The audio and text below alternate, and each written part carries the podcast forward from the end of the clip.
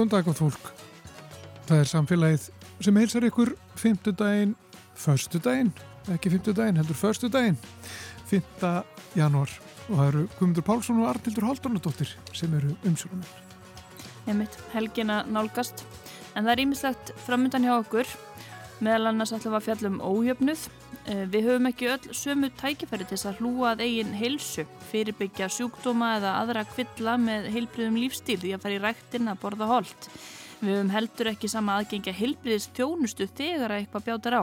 Við ætlum að fjalla um heilsu ójöfnuð, orsakir hans og byrtingamindir á Íslandi.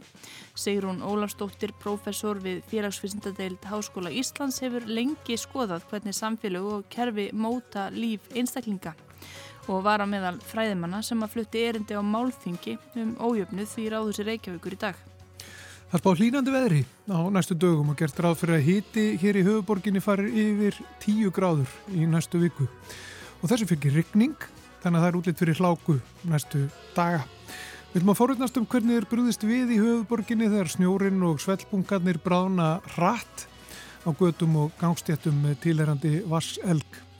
Hjalti Jóhannes Guðmundsson, skrifstofustjóri borgarlandsins hjá Reykjavíkuborg ræðir þau mál við okkur og fleira tengt vetrarþjónustu í borginni. Og svo lítum við út í geim með Sæfari Helga Braga sinni. Hann ætlar að fara yfir geim árið 2024 og það er að nóg að taka þar. Já, trúið Ge því. geimurinn er hansi stór. Hann er ansið stór. við- Og við þömmur og margt að gerast þar. Já, En við uh, byrjum á uh, hlákunni hér eftir smástund.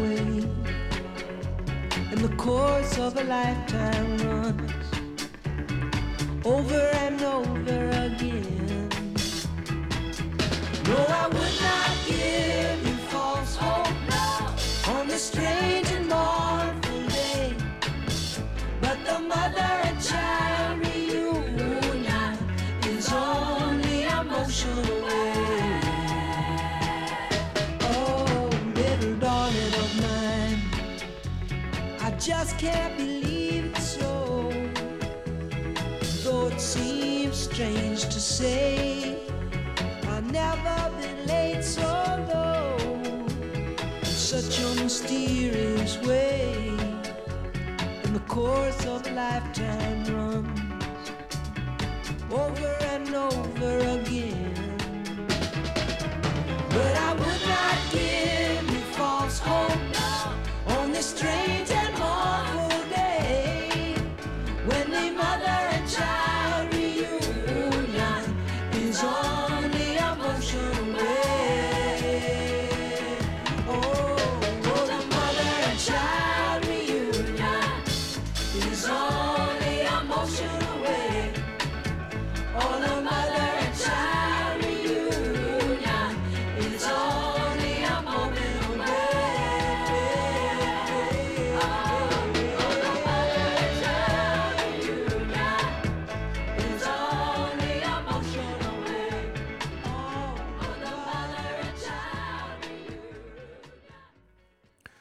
Pól Sæmon, Mother and Child Reunion. Við stendum þetta úti með Hjalta Jóhannesi Guðmundsinni. Hann er skrifstofustjóri Borgarlandsins eh, hjá Reykjavíkuborg. Og núna er veðurspáin þannig að þá er hlýna. Og þá hlýna daldið svona resilega og, og rætt. Eh, stefnir í sko í næstu viku þá á hitin jafnvel á alveg 11 gráðum samkvæmt viðurspá. Ég held að eru þið að bregðast eitthvað við þessu. Það er nú ekkit mjög mikill snjór svo sem í borginni en þó, það er snjór og það er klaki, það hefur verið mjög hált undarfarið. Þurfum við að bregðast eitthvað sérstaklega við þessu? Já, hérna við gerum það alltaf. Við hérna skal ég segja að við er, uh, förum í svo kallega líkil svelgi en svelgir eru svona líkil niðurföll og við hreinsum frá þeim og, og tryggjum það að allt vatn komist nú sína leið. Og uh, síðan förum við náttúrulega bara í svona líkilstæði sem við þekkjum og vitum eru svona uh, vatnsmyndandi. Og uh, við tjekkum á þessu, það er bara svona rútínu verklag hjá okkar. En eins og ef við lítum í kringum okkur þá er ekkert rosalega mikil snjór þannig að en það skiptir ekki máli, það getur það sem hefur verið að gerast líka bara undanfærin árum við höfum tekið eftir því að í svona hláku úrkomu á veturna þegar það er ekki snjókoma að það getur ringt rosalega mikið á stöttum tíma sem er nú svona kannski ein af afleiðingum þessara loslasbreytinga og við náttúrulega verðum bara að vera á tánum gagvart svoleiðis slutum og vest ástandi eða það er kannski 20-30 cm snjór fellur mikil úrkoma á stöttum tíma þá, þá verðum við að vera mjög mikið á tánum allavega. Já. Og er, eru þið farin af stað eitthvað núna þegar það er vitað að þá fara að lína?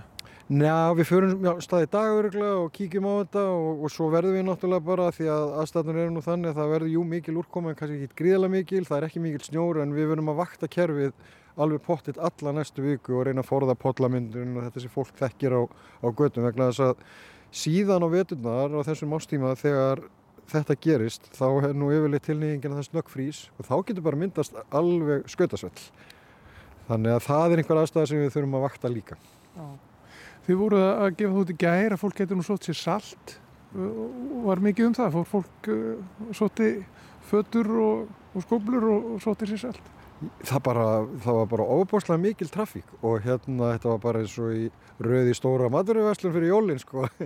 Þannig að hérna og sem betur fer að hérna er fólk að að ná sér í þessi efni til að hálkuverja vegna þess að það gerast alveg ótrúlega mörg slis sem sagt bara fyrir framann á lóðinni heimahjör þegar þú stýgur út og þá einhvern veginn áttur er ekki á því að það er fljúandi hálka og, og, og, og þú dettur og lendir í einhverju slísi en, en hérna við erum að bjóða upp á þessa þjónustu, við höfum gert það undanfærin ár og viljum hvetja fólk endilega til að gera það. Við erum að fjölga stöðum núna með salt, það er komið kort á vefsíðu borgarinnar reykjavík.is það sem sýnir e, saltrúur sem eru vísvegarum borgarlandið og svo er hægt að koma inn á hverfastöður og fiskislóð, jafnansvili og, upp á stórhauða og ná í sand og salt. Þannig að hérna, ég bara hvet fólk til þess að gera það og, og, og sanda eða salta sitt nánastu umhverfi og og talandi um það að ef að klakinu er þykkur þá er miklu betra bara að sanda. Ekki setja salt vegna þess að það verður bara einhverju svona súpu og uh, verður bara leiðilegt. Þannig að bara sanda það og svo að það rignir og vonað þá bara sanda það aftur. Spúla svo bara bílaplanið þegar allt er orðið eitt um, Þetta verður kannski ekki vandamál núna setni vikunni. Það, það á að lína það resilega sko, og, og, og rigna svolítið með því eins og við vorum að tala um. Uh, um Hvernig hefur þessi vetur verið hingað til? Sko, veturinn í fyrra þá var mjög kallt í lengri tíma, það var mikill snjór. Eh, þá var nú borgind aldrei mikið gaggrind fyrir uh, sitt verklag og hreins ekki nú vel og fólk komst ekki almenna leiðar sinnar. Uh, hvernig hefur þessi vetur verið? Þið breytu nú eitthvað verklag? Þessi vetur er ekkert búin að vera neitt slæmur. Uh, það byrjaði eins og reyndar í, í fyrir árið síðan, þá byrjaði að, að, að snjóa eitthvað um 15. desember. Fyrir þann tíma var bara allt snjólust og bara rosalega gott haustveður í raun og veru. En það snjóaði tölverkt þarna rétt fyrir jólinn og, og, og það var alltaf leið vegna líka að það var ekki eins mikið og, og stöðu snjókoma var fyrir árið síðan. En það var líka sko í lægi ef við getum orðað þannig að því leiti við erum búin að breyta mikið um verklag í vetraþjónustunni. Það er að segja að nú erum við farin að sko, fókusura betur á, hérna, á húsagötuna sem voru alltaf úrlustunarefnið hérna, uh, til, til margra ára. Við erum búin að bjóða það sérstaklega út og getum kallað það sérstaklega út, búin að tryggja okkur tæki þar og það kom svona, það kom svona test á þetta, ég má sletta, uh, núna þarna fyrir jólinn og, og gekk bara mjög vel. Við náðum að klára húsagötunar, við ætlum að klára eða snjóar svona uh, eitthvað upp undir 15 cm þá ætlum við að reyna að klára það 48 tímum við náðum að klára það svona, svona 15-20 tímum þess að kannski 20 cm sem, sem snjóaði þá þannig að við vorum bara mjög ánægð en auðvitað var þetta svona fyrsta testið eh, þannig að það voru svona uh, ákveðnir hluti sem við þurfum að laga og við erum bara að gera það og þurfum að smyrja þetta verklega betur en þetta í grunninn gengur bara, bara mjög vel. Já. Eru núna, sko, að því að núna við vorum að tala um uh, þessa, þessi hlýjindi sem eru framöndan og það mun brána þessi snjór sem er hérna fyrir og, og klakinn vonandi bara fer uh, sem, sem er uh, sumstaðar og bara, já, nokkuð við það. Um, inn í húsagötum, sko, til dæmis í hérna efri byggðum og, og þess að þar, hver er staðan þar? Er, er, eru húsagötur til dæmis um, nokkuð, í nokkuð góðu standi náðu þið að reynsa þær til dæmis? Sko, það er aðeins verða ástand í efri byggð, heldur en hérna í næri byggð, en það er, ástandið er bara alls ekki nógu gott og, og hérna gagvart uh, klaka og hálku þegar þú ferð að koma meira inn í hverfin, meira inn í húsagötunda bæði og þú sérstaklega á göngulegum. Við höfum ekki haft við í raun og veru að, að hálkuverja þessa, þessa, þessa leiðir einfallega vegna þess að það hefur gengið á með frost og þýðu og það er svo erfitt að halda í við svoleiðis ástand við söldum það kannski eh, þiðnar, salti hættir að virka að frýsa aftur og er bara komið sama hálkan á kannski tveimur, þreimur tímum. Og ég meina við vinnum hlutina þannig að við byrjum kannski klukkan fjögur um nóttina að, að, að hálkuverja og erum að því til fimmum daginn. Og við höfum kannski talandu stígakerfi, við höfum kannski 840 km undir og 500 km í forgang. Og þegar við erum búið með eina auðferð þá eru búinir ansi margi klukkutíma þannig að við þurfum bara að vinna þetta eftir ákveðnum verklagi. Og svo þegar svona viðraðstæðir eru þá bara reynist okkur stundum verkefni svona svolítið strempi, við skulum bara orða það þannig og vera heiðarlega með það. Er eitthvað sem almenningu getur gert eh, þegar ástandið er svona eins og hérna eru byggðum í húsagötum þar sem að getur já það mun uh, þiðna og það mun uh, eitthvað fara af stað sko, það mun brána mikið og verða mikið vatn. Já, bara þú veist, þegar leysingarnir eru þá náttúrulega getur fólk farið út á hreinsafara fullónu sínum bæði innan lóðar og jafnvel bara í, í húsagötunum sínu fyrir utan bara til að tryggja það að vatn byrjast ekki inn á lóðina til þeirra. Nú ef að það er eitthvað, einhverjir svona hlutir að gerast í, í vatni varðandi hlánun þá bara senda hendilega ábendingu til Reykjavíkuborgar og við reynum þá að breyðast við henni og koma, koma til hjálpar. En síðan varðandi hálkuna og, og, og það að ef við lendum í þessum aðstæðum núna eins og við gerum núna að kannski hafa ekki alveg við að þá bara endilega nýta sér þá þjónustu sem bóði er að það er að fá sand og salt og salta eða sanda sitt nær umhverfi. Til þess að, að bara gera það bærilegra að lappa út úr húsinu og, og, og upp í strætó eða inn í bíl eða hvernig, hvernig sem þú ferðast sko. það er í raun og veru og, bara, og, og að fara varlega. Þetta eru svona varhu að vera aðstæður geta verið lúmskar En við gerum ráð fyrir að það verði bara allt orðið aukt, er það ekki? Setnum partið næstu viku. bara strax eftir helgi, þriðjöta það verður örgulega bara meða við veðurspána en það verður kannski skamgóðu verðir, vermir, það kannski er í 2-3 daga og svo bara byrja leikurinn örgulega upp á nýtt, það verður kemur örgulega frosta kaplu í kjölfarið og þá myndast hálka og svo framins þannig að við byrjum bara hringin upp á nýtt. Já, ég veit það.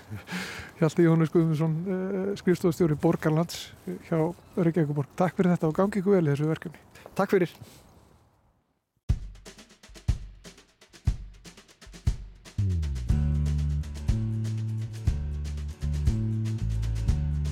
Had enough of heartbreaking pain. Had a little sweet spot for the rain. For the rain and skies of gray. Hello, sunshine, won't you stay? You know I always like my walking shoes, you can get a little too fond of the blues. You walk too far, you walk away. Hello, sunshine,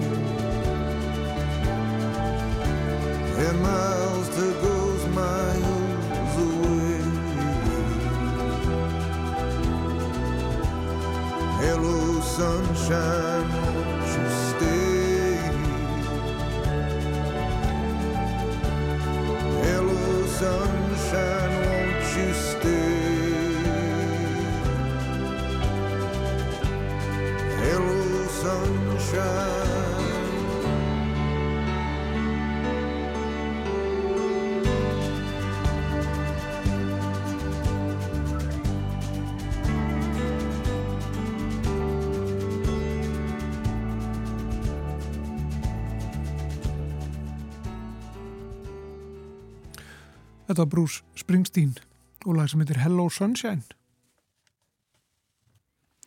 Þá ætlum við að fjalla um ójöfnuð. Ójöfnuður er staðreind á Íslandi, sérstaklega þegar kemur að eignum og hvernig þeim er skipt. Í morgun fóru fræðimenn yfir nýja rannsóknir á ójöfnuði í Ráðhúsi Reykjavíkur. Kolbeinn H. Stefánsson, dósent við félagsákjáðadelt HÍ, kynnti rannsókn á félagslegu landslægi í Reykjavík sem að sýnir meðal annars að einstæðir foreldrar eru farnir að leita í auknum mæli út fyrir höfuborgarsvæðið og ákveðin skólakverfi er að verða meiri láttekju hverfi. En á málþinginu var líka fjallað um ójöfnuð í heilsu og við ætlum að ræða þann ánga hér í dag. Sigrún Ólastóttir, profesor við félagsfyrstendadelt Háskóla Íslands í komninga. Velkomin í samfélagi, Sigrún. Já, takk. Þú varst eh, meðal annars að tala um rannsók sem þú gerðið þar svo varst að skoða hvort að veri munur og því hvernig fólk mæti heilsu sína eftir búsetu. Já, sem sagt að því að, og þetta málþing var þá sérstaklega stóð, skoða stór Reykjavíkursvæðið, þannig að ég notaði þá gögg sem ég með sem er úr alþjóðlegu viðhorfakanunni, en árið 2021 þá uh, var áherslan á heilsu og heilbreyðiskerfi. Þannig að gögnin eru tiltöla nýju og verið svona rétt að byrja að skoða þau. En í tilefni þess að þetta var svona áherslan á Reykjavík þá skoðaði ég ymmit aðeins hvernig fólk metur heilsu sína og þá samanburður Reykjavík svona stór Reykjavíkur svæðið sem sagt bara þá í rauninni Seltjarnanes Garðabær og þeir bæir og svo landsbyðirnar og þar kemur til dæmis í ljós að það eru svona um 30-35% sem að meta hilsu sína að vera annarkvæmt frábæri eða mjög góð og það er ekki marktakum munur á milli þessara svæða. Uh, við vorum líka með spurningu sem að spyr um langvinni eða krónísk veikindi og þá sjáum við sömu myndina. Þannig að það verðist ekki allavega í þessum gögnum þannig að um, fólk sem að býr í Reykjavík sé annarkvort að meta heilsu sína betur eða verður heldur en fólk sem býr einhver starf annar staðar. En auðvitað er hægt að fara mun nánar í það uh, varðandi búsetu og til dæmis með því að skoða eftir hverfum sem væri mjög áhugavert að gera. En stóra spurningi verður svo auðvitað þannig að uh, er ójöfnuður þá eftir félagsleiri stöðu og ég skoðaði það þá sérstaklega bara fyrir þá sem að búa í Reykjavík og í rauninni eins og þú myndir búast við, þá er svarið já. Og það er kannski þannig að auðvita er það þannig í félagsvísindunum og félagsfræðinni að við erum með svona sambund sem býst almennt við en í rauninni má segja það að svona eitt sterkasta sambandi sem við finnum og kannski sem við getum í rauninni talað um nánast sem algilt er sambandið á milli þess að vera í að fólki verri félagslegri stöðu og þá er hægt að skoða þá út frá mentum, tekjum, kyni, uh, bara í rauninni viðkvæmar að einhverju leiti uh, eru almennt búa við uh, verra heilsufar og það á bæði við um í rauninni hluti eins og uh, bara hreinlega hvað við lifum lengi Þannig að hér á Íslandi hefur til dæmis verið sínt fram á það er kannski er svona fjögur til fimm ár sem að munar og lífslíkum fólks með mestumentun og minnstumentunum eins og það er mælt. Þannig að það eru náttúrulega að tala um mjög svona, já bara drastist í rauninni hvort þú sér á, á lífið ekki en síðan líka hvernig fólk metur heilsu sína, tilneyingu til að fá ákveðna sjúkdóma, geta læknast af sjúkdómi þannig að við sjáum þetta mjög svona vítt.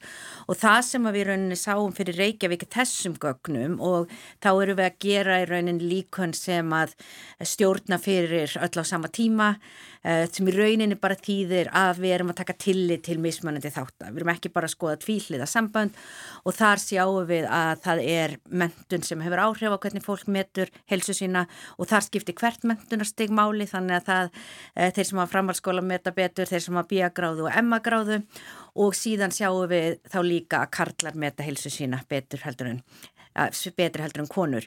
Eh, það sem er svolítið áhugavert í þessum gögnum og ég á eftir að skoða betur er að við höfum, það hefur verið erfitt í þessum meginlegu rannsóknum sem að í rauninni endur spekla þjóðina að ná til innflytjenda og mjög mikið af þessum alþjóðlega konum sem við gert höfum kannski verið að ná einu eða tveimur prósentum sem auðvitað er óasættanlegt eins og Íslands samfélag er í dag. Þannig að þannig eru allavega veriðstur að konum fyrir 10-11% og þar sjáum við að innflytjendur uh, tala frekar um að það reyji við langveik, uh, langvinn eða krónisk uh, vandamála stríða heldur en um, þeir sem að sem sagt, eru eiga sína rættir að reyka til Íslands og þá sjáum við líka aftur áhrif mentunarinnar. Þannig að virðast vera þessi mentunar áhrif sem eru hvað sterkust að koma fram allavega í þessum gögnum og í Reykjavík. Frekar en þá egnir og tekjur? Við erum ekki með egnir þannig en og það er mjög erfitt að spurja í rauninni um þær uh, en við erum með tekjur og tekjur koma ekki eins sem marktækt sem kom mér á óvart og auðvitað eitthvað kannski sem að þarf að skoða betur ef að ég greinu gögnin á landsvísu þá skipta tekjurnar máli þannig að ekki virðast ekki gera það í Reykjavík allavega svona í þessu fyrsta kasti. Já, og þú nefnir þetta innflytjendur það var svolítið talað um það hversu miklar líðfræðilegar breytingar hafa orðið og bara á, á þeim sem byggja þetta land á síðustu áratugum að sumum hverfum sem hann Kolbeitt var að fara yfir, hann var búin að greina þetta niður á, á hverfi á stór Reykjavíkusvæðinu, þá var eh, hlutfall innflytjenda búið að aukast um alltaf 25% og líka komið inn á þarna í, í pallborinu minni með að í sumum sveitafélögum væri hlutfall innflytjenda orðið í kringum 50%. Þannig þetta er vantilega eitthvað sem er spennandi að skoða hvaða áhrif þetta hefur, hver staða eh, þessa hóps er, hvort hún er ólík öðrum. Já, það er afar mikilvægt og það auðvitað hefur verið uh, skoðað uh, mikið í fræðunum og mikið annar staðar. Og Íslandi er svolítið kannski ólíkt mörgum öðrum löndum að í rauninni fjölgunum verður svo ör. Þannig að við í rauninni förum að fá innflytjandum miklu setna heldur en mörg önnur lönd og þá gera slutinir uh, mjög hratt. Og þú náttúrulega vísar í sömur af þessum prósendutölum og oft hefur til dæmis verið sínt fram á sem verið allavega ekki verið að varandi þessa breytu að það sem hefur verið talað um sem svona áhrif hins heilbriða innflytjanda og þetta hafa rannsóknir í bandaríkinu til dæmis sínt og einn skýringin er þá náttúrulega því að þú ert með ákveði val hverjir það eru sem er í stöðu til að færa sig á milli landa. Og oft er þetta náttúrulega fólk sem er að koma í atvinnu til gangi.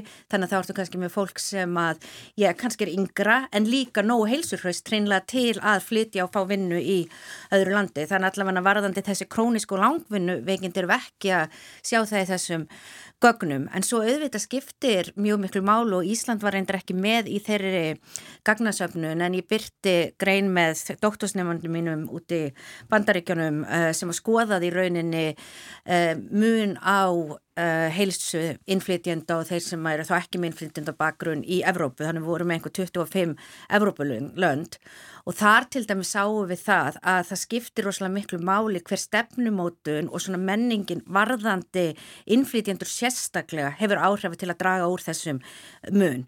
Þannig að stert velferðarkerfi, stert heilbreyðskerfi, það var ekki að hafa áhrif, heldur varða, voru það mælingar okkar sem að taka þá sérstaklega á því bara bæði hvernig er búið að innflytjandum, þann stuðning sem þeir fá, en við erum líka með mælingar sem eru þá að skoða í raunin svona hvernig menningin líka tekur á mótið þeim og það var uh, stæðsta, sem sagt, það sem dró mest úr muni í heilsu á milli innflytjenda og þeirra sem að sem sagt voru af bakgrunni þess land sem við á.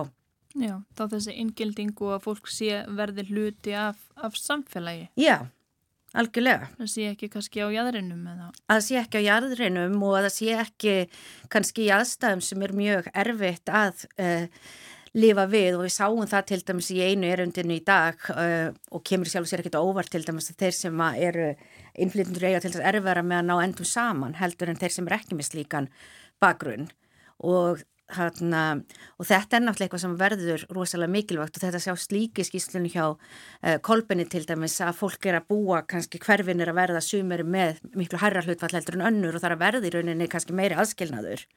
Og þetta er eitthvað sem við þurfum að hugsa um og velta fyrir okkur hvernig við tökumst á við og bara hvernig við um, já, hvernig aðbúingar fólks er því við vitum það náttúrulega alveg að þegar félagslegar aðstæður eru slæmar fyrir einstaklinga þá hefur það líka ímils vandamál í uh, förmið sér fyrir bæði einstaklingarna og samfélagið. Og ef við hugsaum kannski aðeins bara um þetta fyrirbæri hilsu ójöfnur, uh, mér dættu fyrst í hug bara svona þessi spurning sem er stundum borin upp hefur fresta því eða sleppti að fara til tannlæknis mm. síðustu tvö ár vegna hérna, fjárhastafstana eitthvað þessóttar en þetta er vantarlega fjölbreyttari byrtingamyndir þarna. Endur um bara að sleppa því að fara til tannlæknis eða?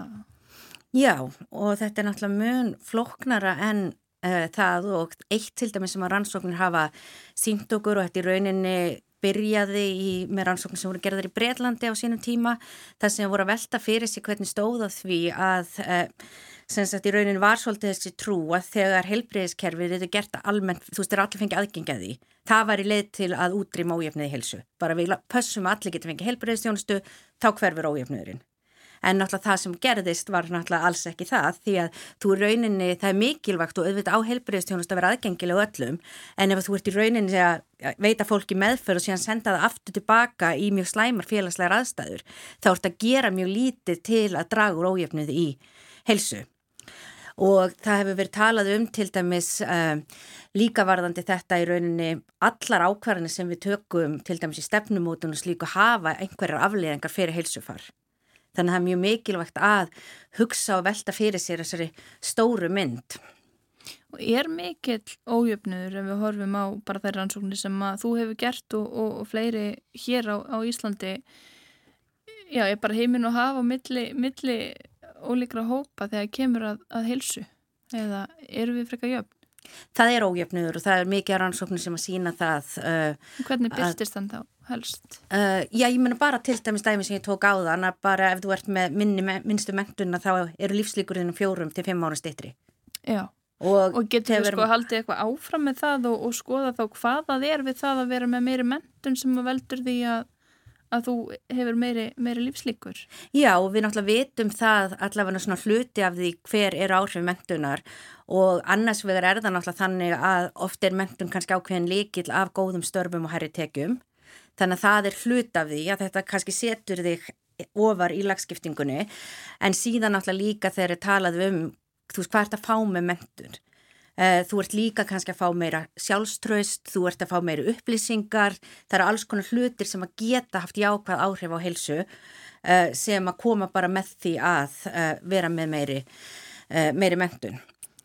Þannig að þetta er aldrei eitthvað eitt, þetta er ekki bara það að, fá væna summu um hver mánaðamót og eiga, eiga hús, heldur, heldur snýr þetta líka félagslegu uðmagni og tengslum og, og bara kannski sjálfs áliti líka.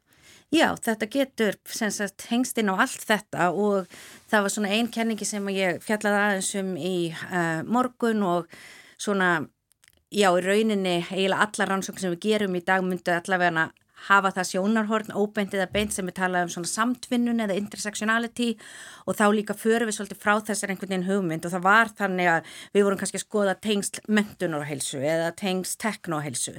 En við erum náttúrulega öll með alls konar enginni og þau hafa öll áhrif. Þannig að núna uh, myndum við þá alltaf vera að skoða þetta saman, þú veist, tekjur, mentun, kyn, kynvitun, hvort þú sért af innflytjanda bakgrunni og uh, sjá hvernig allir þessir þættir skipta máli því að það er kannski ekkert að segja jú, þú veist, kannski konur eru almennt með almennt heilsuna sína verra heldur en kallar en kannski kona sem að býr í fátækt uh, og við slæmar félagslegar aðstæður, það er allt annað heldur en kannski kona sem að uh, er hátekjukona sem vel mentuð býr í bara mjög góðum aðstæðum Þannig við verðum að vera að taka tillit til í rauninni allra þessara þáttar þegar við erum að meta og skoða heilsu. Og ég held að það sé líka hluti af til dæmis sem að gerir uh, skýslun og rannsóknuna sem að Kolbeitt var að kynna í dag rúslega verðmæta er að þetta eru hagstofugögn þannig að þú ert í raun að fá þar upplýsingar sem koma til dæmis fram í skattaskýslu með slíku. Og það er hægt að samkeira þetta við til dæmis uh, upplýsingar varðandi heilsu. Þannig að þú ert að fá í rauninni þá dýpri mælingar sem skiptir rosalega miklu máli. Það er líka áhugavert og svona annað sem við erum að vinna í og reynda bara rétt að byrja á en að þú komst inn á auðmagnu og það eru auðvitað líka það sem skiptir máli er að uh, stjætt og hvarfi einhvern veginn röðust við í þessa félagslegu lagskiptingu uh, getur verið svo flókið og margslungið þannig að við erum með uh, gögn núna frá 2019 þar sem við erum að mæla annars vegar efnahagslegt auðmagn og við mælum félagslegt, við mælum menningarlegt og svo erum við með það sem við kallum svona tá, tákgrænt auðmagn. Og það vísar raunin til þess hvernig svo virðing sem þú upplifur út á stöðin í samfélaginu skiptimáli og það er náttúrulega þegar við erum að skoða það að greina þá sérð alveg gífulega mikinn mun, þú sérð alveg það er lítið hluti til dæmis þjóðarinnar sem er mjög tengdur inn í helstu menta, stjórnmála og menningarelitu landsins og svo eru sömur sem hafa nánast engin tengst og þetta skiptir þetta allt máli þegar við skoðum uh, félagslega stöðufólks og það er einmitt eitthvað sem við getum uh, tengt við heilsu, því við erum með það í gögnunum líka. Já, það er mjög spennandi og magnaði þessi að þetta greina svona flókna þætti að hann finnst. Já, svo held ég reynda líka það sé og ég er enn svona reynað uh, hanna rannsóknin og hvernig ég nákvæmlega gerir það en ég held að það sé líka rosalega mikilvægt að fara og skoða þetta með eiginlugur rannsóknir þar sem við erum þá að tala um viðtalsrannsóknir eða þú veist fara og skoða hana, eh, til dæms hverfin eða skólana eða eitthvað slíkt. Því að þú veist það er líka svolítið sem okkur vantar. Eh, með eiginlugur gögnin eru rosalega mikilvægt því að þau gefa okkur þessa stóru mynd sem við auðvitað þurfum að hafa og þau geta sagt okkur hvort að sé einhver sambönd og það útskýra þau. En við þurfum líka að skilja líf og heilsu fólks í svona bara þeirra eigin félagslega samhengi og þú veist hvaða er að því að þetta er eins og þess að tala um þú veist hvað er með ójöfnið í hilsu og þá hefur til dæmis verið talað um uh, við getum náttúrulega skoða að þú stertum með ákveðin sjúkdóm, hvað lifur og lengur slíkt. En það er líka svona að tala og það er oft mjög þessi stjættatenging og um, veit ekki alveg hvað er besta íslenska þýðingin á því en þetta er svolítið svona einhvern veginn sko hvernig líka með þinn bregst bara við þessu svona daglega streyt streitu sem að fólk eru að upplifa. Og þannig að þú ert alltaf í kannski þú veist þessum aðstæðu, þú ert í húsnæði sem er ekki nógu gott, þá getur við hugsað júi það hefur þú veist bara þú veist einhver áhrif. En þú ert að upplifa þetta á hverjum degi þannig kannski þú ert búin að búi í þannig aðstæðum í 10 ár, í 20 ár, í 30 ár þá er það kannski farið að gera alls konar hluti í uh, líkamannum okkar og líka náttúrulega hvernig það verður áhrif á andlega helsu uh, sem að getur yfir tíma búið til mjög mikinn ójöfnið í hels og það er svona annað, nú er ég búin að segja allt of margar hlutum sem þarf að gera, en auðvitað þurfum við líka að skoða þetta í uh, svona það sem hefur kallað kannski svona uh, langtíma sjónarhortni eða svona hvernig í rauninni ójöfnur er að hafa áhrif á helsu okkar yfir æfiskeiðið. Því að það er bara, og það er það sem bara eikst. Já greinlega nógu að taka þegar kemur á framtíðar ansóknum og bara, já, þú, þið klæjar örgli í fötana og mörgum að fara að taka til þessi gegnarsöfn og einmitt taka viðtöl og, og lá, sjá hvað kemur út úr, út úr þessum fræðum öllum saman. Takk fyrir að ræða þetta við okkur í samfélaginu, segir hún Ólastóttir. Já, bara alveg sjálfsagt.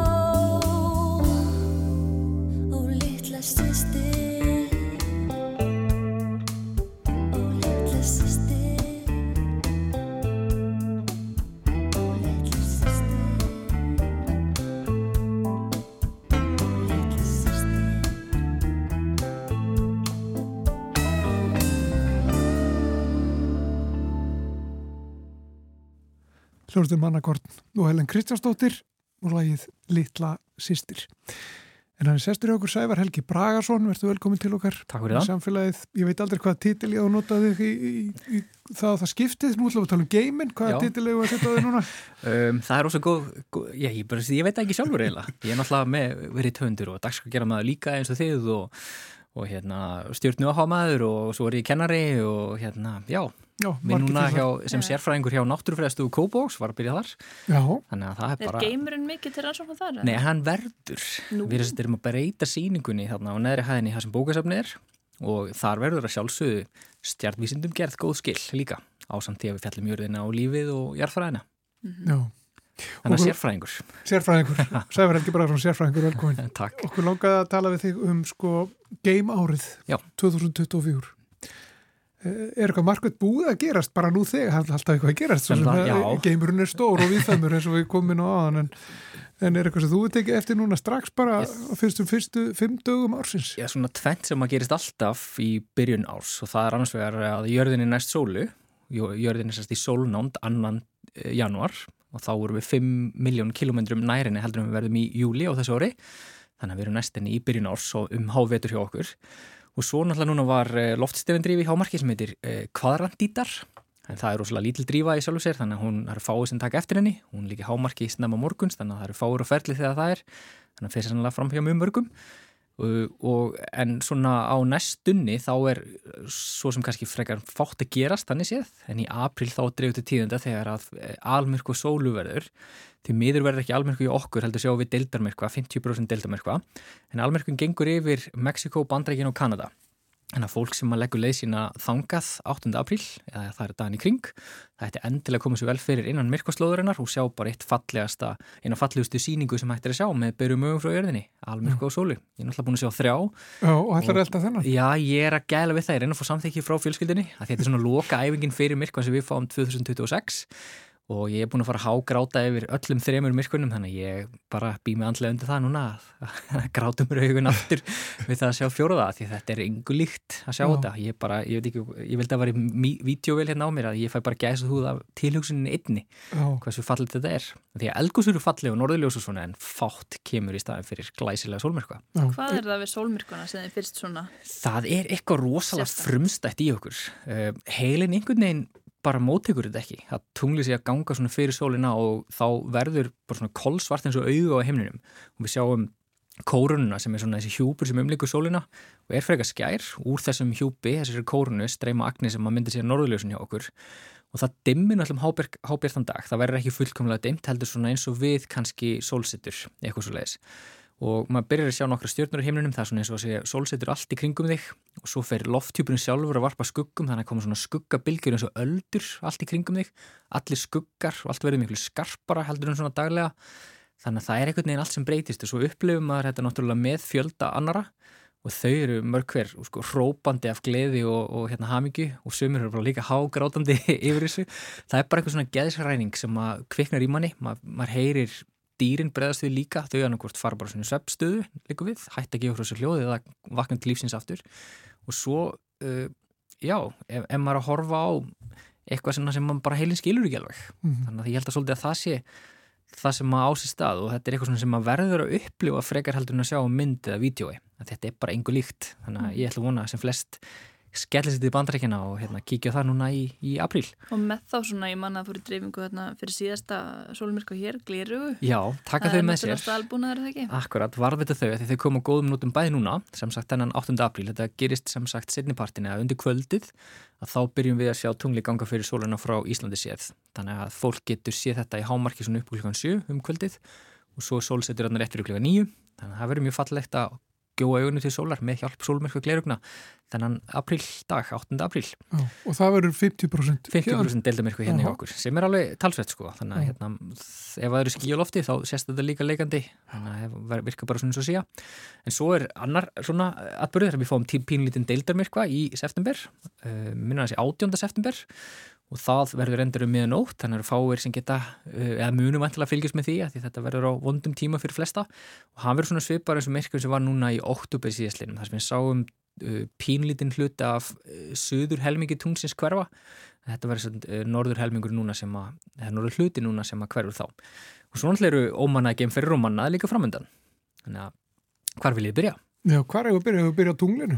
Já, það er fyrirhugaður þessu ári. Í lók þess ás í fyrsta lagi, sennilega í november, þá er fyrirhugað að senda fjórar manneskjur til tungsins í fyrsta sinn síðan 1972, bara frá leiðingur Apollo 17 og tilgangurinn er ekki að lenda á tunglinu, heldur er tilgangur, tilgangurinn að fara í kringum tunglið eins og Apollo 8 og Apollo 13 gerði á sínum tíma og með þar í föru verður fyrsta konan til þess að fara til tungsins, fyrsti maðurinn af öðru þjóðarnin bandarísku líka til að ferast ángað og svo fyrsti blökkumadurinn. Þannig að það verður hérna, fjölbreyttur hópur sem fær að fara þessa leið og fá mæntala stórfenglegasta útsýni sem hægt er að hugsa sér. Ég fullur öfundar akkvært þessu fólki, þannig að ég áttir að... Sóttir um að komast með? Ah, ég vildi óska þess. Ísland er ekki með gemvísenda af stopnunni en eitt svoleiðs og við tökum ekki þátt í neinu, neinu slíku samstarfi sem að gerði Íslandingum kleftað, sækjum og verða gemfarar. Þannig að við þurftum að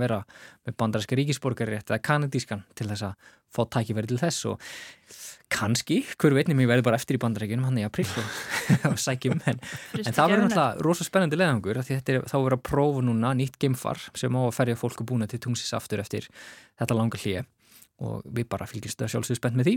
Já.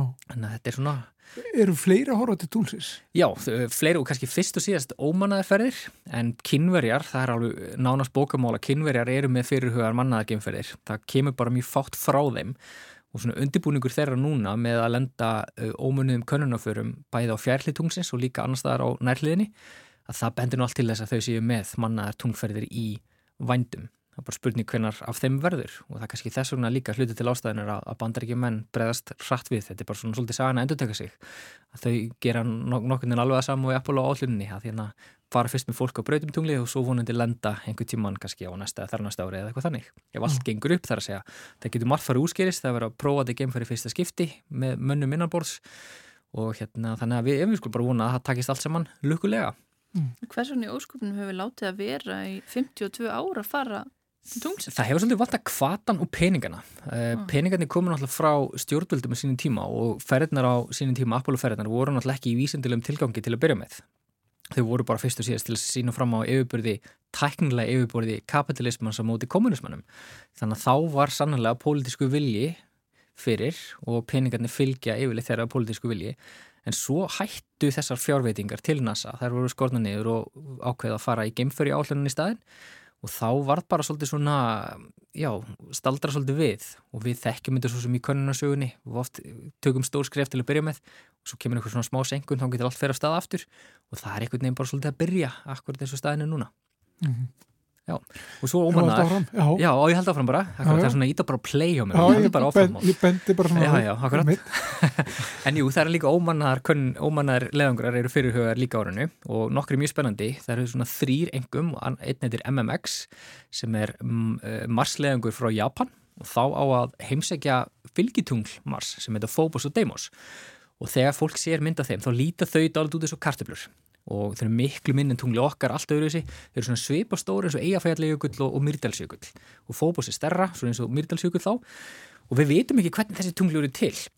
Og það er ýmislegt sem bendir til þess að allavega fóbos, stærra tunglið, mögulega Deimos líka uh, eigi rætur er ekki til Mars sjálfs. Við sjáum náttúrulega yfirbúrin Mars stærðarinnar giga sem hafa voru til eftir reysa árugstra í sögumars og það getur vel verið að stór flikki úr skorpumars hafi skvest út í geimin við einhverja af þessum áraugstrum og orðið að þessum tunglum sem við þekkjum sem fóbus og deimos í dag. Og önnur hugmyndin er svo að þetta séu fönguð smástirni því að Mars er náttúrulega með smástirnabelti næri sér og stundum reyka þau aðeins og nálagt reykistjórnu og festast og brautum þær. Og við höfum dæmum slíkt bara hérna í örðinni þar sem stundum koma smástirni heimsóks að verða þá tímabundin fylgitungl hjá okkur. En þessi tungl hafa valdið mönnum heilabrótum lengi vel og gætu annars verð eins og segi verið brot úr Mars eða mögulega úr smástirnabeltinu meðlum Mars Júpiters og þessi leðungur á svona hjálp okkur þar og sapna sínum og flytja til jarðar. Ó. Svo er kannski mest spennandi leðungur en það er Europa Clipper sem er leðungur sem áfæra loft núni í oktober á þessu ári og hann á rannsaka fylgitungl Júpiters sem heitir Evrópa og Evrópa er bara einn mest spennandi staðu sólkerfisins að þetta er tungl sem er ekki ósöp á tunglun okkar að stærð en það er ísilagt svona eins og snjóbolti og undir þykri ískorpunni höfum við merkja að það leynist haf eða sjór, saltur sjór. Og þetta geimfar, Europa Clipper, á samsagt að fljúa allavega 50 sinnum fram hjá þessu tungli, kortleggja landslæðið, reyna að skiknast undir í skorpuna og leita að hafi í merkjum þá sem að berast til dæmis í gegnum tunglið, segulsvið og svona og þá er þetta vonandi undirbúningur fyrir einhvern stærrilegungur í framtíðina að við vonandi borum okkur í gegnum ísin og, og förum að sigla um höf Evrópu, það var eitt stórkurslegt sko.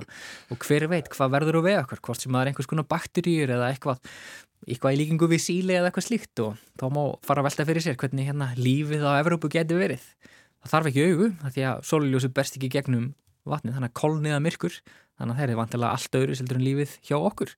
og við vitum að þarna eru orku uppbreyta, hann er e, vatn og næringarefni, þannig að þarna er staðu það sem, að, sem hefur allt sem líf þarf á að halda, þannig að það geti vel verið að leynist þannig líf og vonandi kemur ykkur áhugavert út af því. Já. Hve- Svo, já, Já. Hvenær kviknaðu, kviknaðu þær hugmyndir að það geti leins líf þarna? þær kviknu bara skömmu eftir að e, fyrstu gemförin okkar ferðust fram hjá Júpiter kerfinu og sáu þennan ísnött og fundu svona gróflega merki þess að þarna leyndist vatni undir yfirborðinu. Við sáum þess að landslag sem að er sprungið, svolítið svona eins og reysastór borgarísjaki þar sem að eru greinilega flekarhefingar í þessi stað og stundum vellur vatn og mögulega einhver aðra blöndur upp í gegnum sprungunar á þessum, þessu tungli og hver veit hvað leynist í þeim. Þannig að svo höfum við fundið merki líka um einhvers konar svona góskver eða stróka sem er að spúa vatni, vaskuf út í geiminn. Og en það hefur ekki reynst að eh, ekki tekist að staðfesta það hins vegar. Þannig að það er eitt af því sem að Europa klippir á vonandi að staðfesta. Svo í loka ásins þá að fara að leiðangu frá Evrópu sem heitir Hera.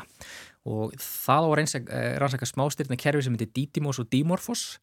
Og þessi tvö smástyrni þau fengu heimsókn í hittifyrra 2022 þegar geimfar frá NASA skall á öðru þeirra uh, þau tvö til að setja stærðin eitthvað í samhengi þá er annað þeirra það stærra svona eins og keilir og stærð og hitt svolítið svona eins og grábrók. Þannig að grábrók, ég myndi ykkur grábrók að hérna, snúast í kringum keili.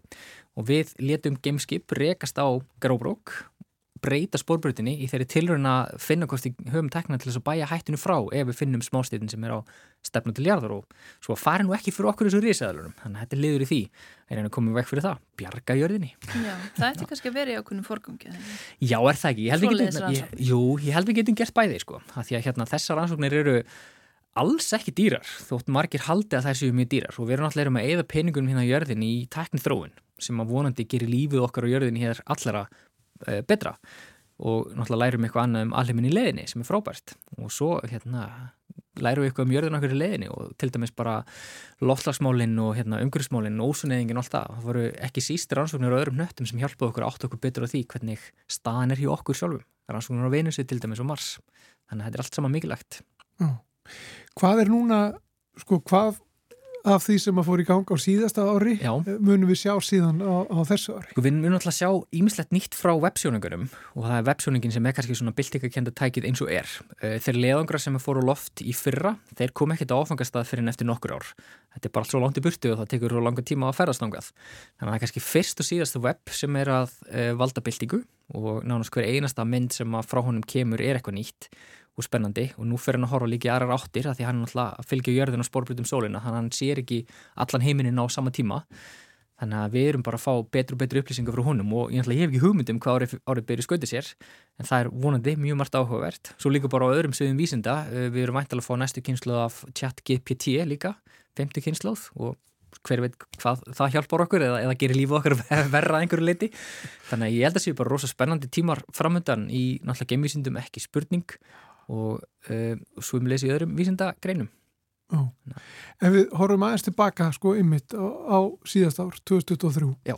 um, var eitthvað sem að bar herra en annað Já, á því ári? Já, það var kannski stærsta uppgötun stjarnvísindan í fyrra var uh, tifstjörnu tímaröð.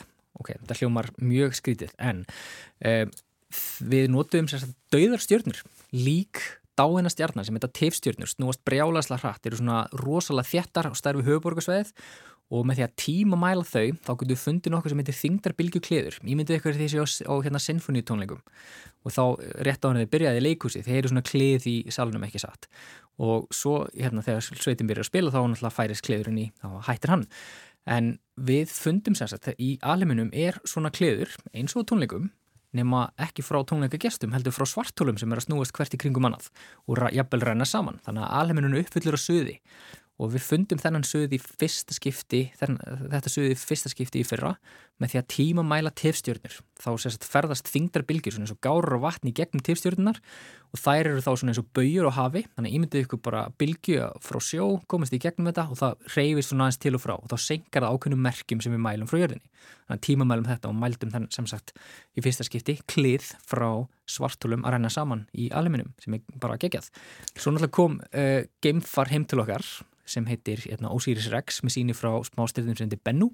Og það er til dæmis að kenna okkur, kenna okkur það hvernig vatn bar stingað og ekki bara vatn heldur líka uh, lífrænefni sem við erum búin til úr og hjálpa okkur að skilja það hvernig reikistyrnunar eru til.